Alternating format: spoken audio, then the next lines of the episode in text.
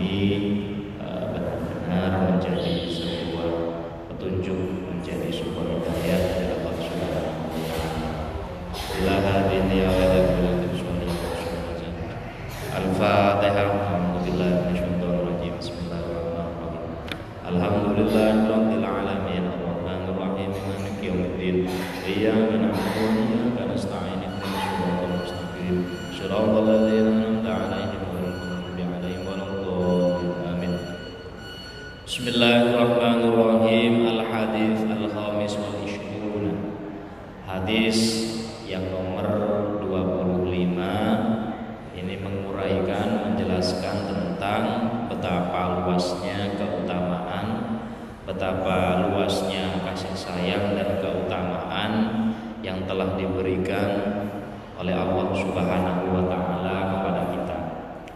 An Abi Dzarrin radhiyallahu anhu hadis diriwayatkan oleh Abi Dzarrin Anna nasa min ashabi Rasulillah sallallahu alaihi wasallam. Diceritakan bahwasannya beberapa orang dari sahabat Nabi Qalu Nabi datang dan bertanya berkata kepada Nabi Ya Rasulullah wahai Rasulullah Dhahaba ahlu duthuri bil ujuri. Tidakkah kita melihat bahwasannya ahlu duthur mereka yang memiliki e, harta yang lebih banyak daripada kami itu mengungkuli lebih unggul daripada kami dengan pahala yang mereka terima. Yusalluna kama nusalli. Mereka sholat seperti halnya kami sholat. Wa yasumuna kama nasumu. Mereka juga melaksanakan puasa di bulan Ramadan layaknya kami. Wa yatasaddaquna amwalihim. Dan mereka memiliki keunggulan yaitu mampu bersedekah dengan harta bendanya. Qala Nabi berkata, "Awalaisa qad ja'alallahu lakum ma tasaddaqu?" Bukankah Allah telah menjadikan kepada kalian sesuatu yang bisa kalian sedekahkan? Innalakum bikulli tasbihatin shadaqah. Ketika kalian membaca tasbih, itu pahalanya sama dengan sedekah. Wa kullu takbiratin sedekah. Ketika kalian membaca takbir Allahu Akbar, itu juga dikatakan sedekah. Wa kulli tahmidatin sedekah. Setiap kalian membaca alhamdulillah pahalanya sama dengan sedekah wa kulli tahlilatin shadaqah. Setiap kalian membaca tahlil kalimat la ilaha illallah itu pahalanya sama dengan sedekah. Wa amrin bil ma'rufi sedekah. Menasehati orang lain, amar ma'ruf terhadap orang lain itu juga sama pahalanya dengan sedekah. Wa nahyi 'anil munkarin Sodakoh Kata Nabi Mencegah dari hal-hal yang mungkar Itu juga sodakoh Wafi bahkan Wafi mutni ahadikum sodakoh Kemaluan kalian Itu bisa dijadikan sodakoh Kolu Kemudian sahabat-sahabat ini bertanya Ya Rasulullah wahai Nabi Ayati ahaduna syahwatahu wa yakunu lahu fiha ajrun apakah kami ketika menunaikan menyampaikan menuntaskan syahwat kami kepada istri kami, apakah dapat pahala? Qala Nabi berkata, Aro'aitum law wada'aha fi haram akan alaihi wizrun Bukankah ketika kalian meletakkan hal tersebut dalam sesuatu yang diharamkan, maka bukankah itu mendapatkan dosa?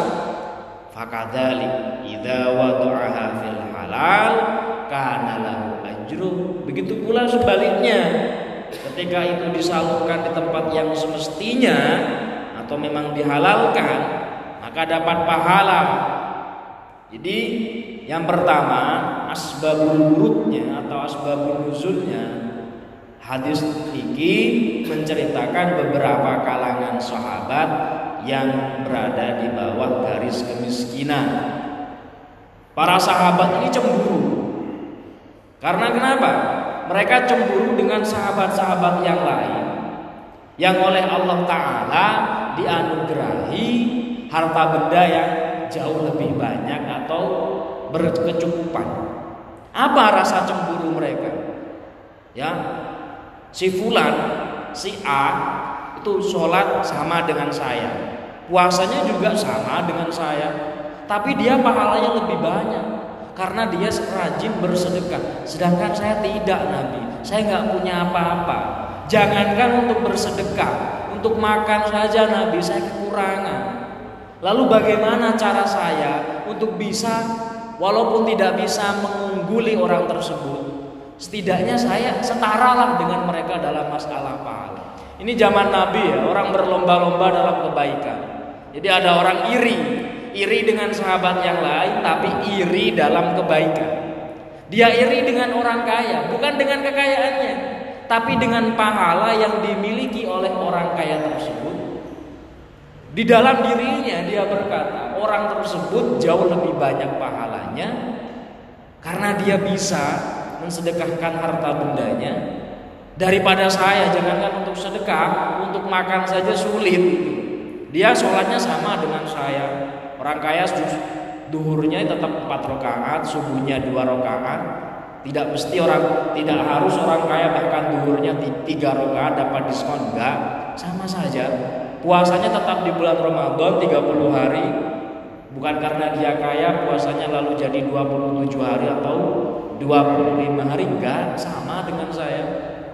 Tapi saya iri Dia bisa sedekah. Dengan harta bendanya Pahalanya orang tersebut Dia bisa jauh melampaui saya. Sehingga di hati sahabat yang berada di bawah garis kemiskinan tersebut Dia iri Karena pada zaman Nabi orang berlomba-lomba untuk mencari kebaikan. Sekarang orang berlomba-lomba untuk mencari alasan. Bedanya semacam itu. Kalau dulu zaman Nabi orang berlomba-lomba, si kaya berlomba dengan kekayaannya, si miskin berlomba dengan kesabarannya. Sekarang enggak. Zaman sekarang orang berlomba dengan alasannya. Kenapa kamu nggak pernah sodako? Alah baca tahlil aja sodako. Kenapa kamu jarang sedekah? Oh, anu apa namanya? Kata Pak Ustadz, baca subhanallah aja udah sedekah. Ya udahlah nggak usah sedekah. Saya baca subhanallah. Itu alasan. Bukan berlomba-lomba dalam kebaikan. Ini menceritakan tentang salah seorang sahabat yang merasa irinya luar biasa ingin setara dengan sahabat yang lain. Oleh karena itu Nabi mengatakan Innalakum bikulli tasbihatin sadaqah. Ketika kamu membaca tasbih, itu saudara loh. Subhanallah walhamdulillah wala ilaha illallah wallahu akbar. Wa kullu takbiratin ketika kamu baca takbir itu pahalanya sama dengan sedekah. Wa kullu tahmidatin setiap kamu baca alhamdulillah itu pahalanya juga sama dengan sedekah. Wa kullu tahlilatin setiap kamu baca tahlil itu pahalanya juga sama dengan sedekah. Bahkan wal amri bil ma'ruf sedekah.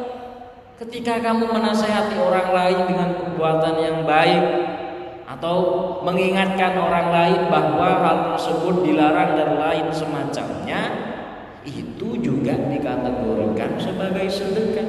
Bahkan yang gratis, yang enak di dalam kemaluan kita itu juga dinamakan sedekah kalau disalurkan di tempat yang sebenarnya Bahkan kata Nabi hal tersebut kalau disalurkan di tempat yang dilarang bukankah itu diharamkan? Ah, begitu pula kalau hal tersebut disalurkan di tempat yang semestinya. Syahwat kita kita salurkan ke tempat yang semestinya itu sama dengan sedekah. Gak mengurangi, bisa mengimbangi sedekahnya orang yang setiap bulan jadi donatur misalkan. Nah, mengaca dari hadis ini kita bisa melihat Islam pada zaman Nabi memang luar biasa. Sahabat-sahabat yang mayoritas muhajirin pendatang dari Makkah itu mayoritas miskin karena mereka pendatang belum mendapatkan pekerjaan tetap. Artinya untuk makan saja sudah alhamdulillah. Nah, ketika mendengar ayat tentang sedekah mereka menangis. Ketika mendengar hadis tentang sedekah mereka kelus dada. Kapan saya bisa sedekah karena apa? Ya jangankan untuk sedekah.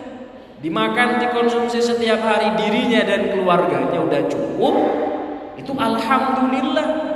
Nah, kegalauan tersebut dihaturkan kepada baginda Nabi. Ya Nabi kami juga ingin seperti sahabat Ansor. Mereka pahalanya jauh lebih banyak. Puasa mereka sama. Sholat mereka sama tapi mereka jauh lebih unggul daripada kami karena mereka mampu sedekah dengan orang kepada orang lain, bermanfaat bagi orang lain. Akhirnya Nabi membesarkan hati sahabat muhajirin bahwasanya Allah Ta'ala itu maha luas ampunannya, maha luas kasih sayangnya.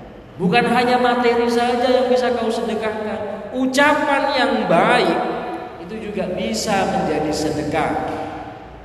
Diammu atas sesuatu yang buruk ketika tidak bisa kau ubah itu juga bisa dikatakan sedekah dan lain semacamnya. Hadirin yang dirahmati oleh Allah Subhanahu wa taala, di situ kita bisa melihat satu bahwasanya benar yang dikatakan di dalam surat Al-Fatihah, ihdinas siratal mustaqim tunjukkanlah kami jalan yang lurus. Allah Ta'ala mengatakan redaksinya menggunakan sirot. Sirot itu artinya jalan, tapi jalan yang lebar, luas dan panjang. Yang artinya beda dengan syari atau torik. Jadi sirot itu ibarat kata jalan tol ya, yang bisa dilewati oleh satu dua bahkan tujuh mobil sekaligus misalnya. Beda dengan jalan di depan ini, itu namanya torik atau syarik itu dalam bahasa Arabnya. Mengapa dalam Fatihah Allah Ta'ala menggunakan redaksi syirot? Karena Allah Ta'ala menegaskan bahwa jalan kebaikan itu sangat-sangat luas dan banyak sekali.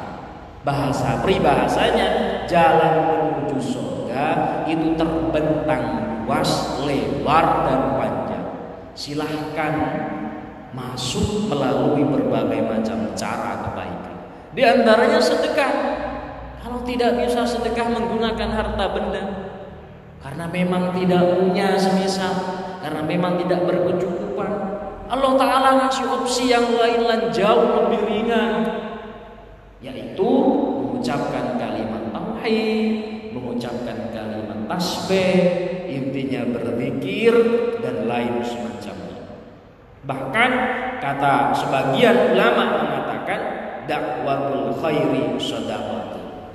Ngemutaken datang tiang lintu terkait kebaikan itu sudah dianggap sudah dihitung pahalanya sebagai sedekah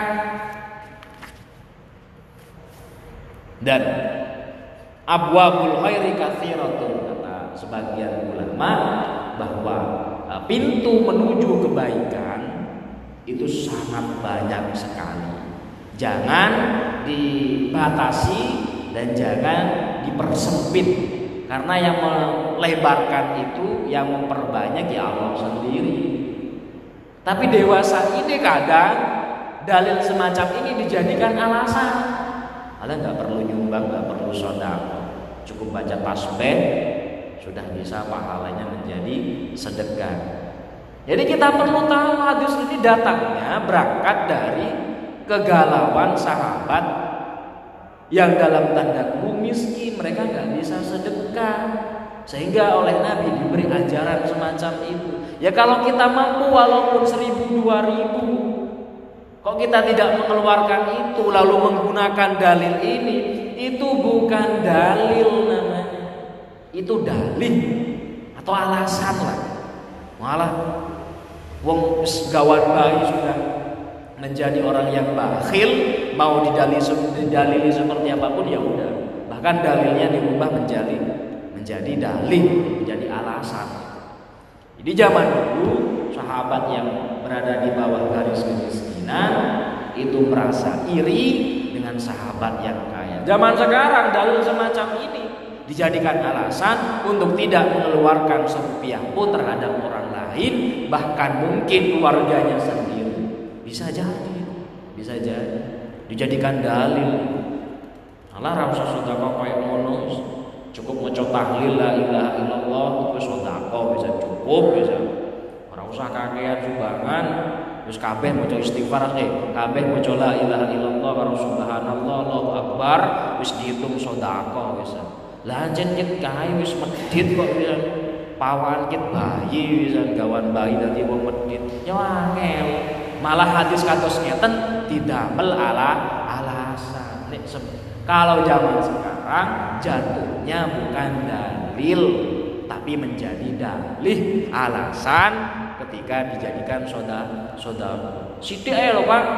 Sing penting ikhlas loh siti sing penting ikhlas. Oh ikhlas. Ditutup-tutup nih piye sing penting ikhlas nasio titik. Alah trayo medit angel men lagi kau ikhlas ikhlas barang gitu misalkan semacam itu. Saya nggak menyebutin banyak lah ya kayak itu banyak. Sidik saya penting ikhlas. Trayo wong medit akhir lo jane yo iso. Cuman karena medit akhirnya berdalih dengan kata ikhlas. Alah sidik lo saya penting ikhlas. Ikhlas dibuat dalih dengan Kenapa? Ya karena memang sudah gawan bayi, medit itu orangnya. Sudah sejak lahir DNA meditnya itu muncul itu. Jadi DNA meditnya itu muncul. Dan kalau zaman dulu, pada zaman Nabi, nggak kayak gitu. Mereka memang iri dan tidak mampu agar bisa mengimbangi sahabat yang gemar bersedekah dan lain semacamnya. Jadi memang untuk perbuatan baik, terutama untuk sedekah, nah, itu memang apa namanya? Perlu sebuah pembiasaan.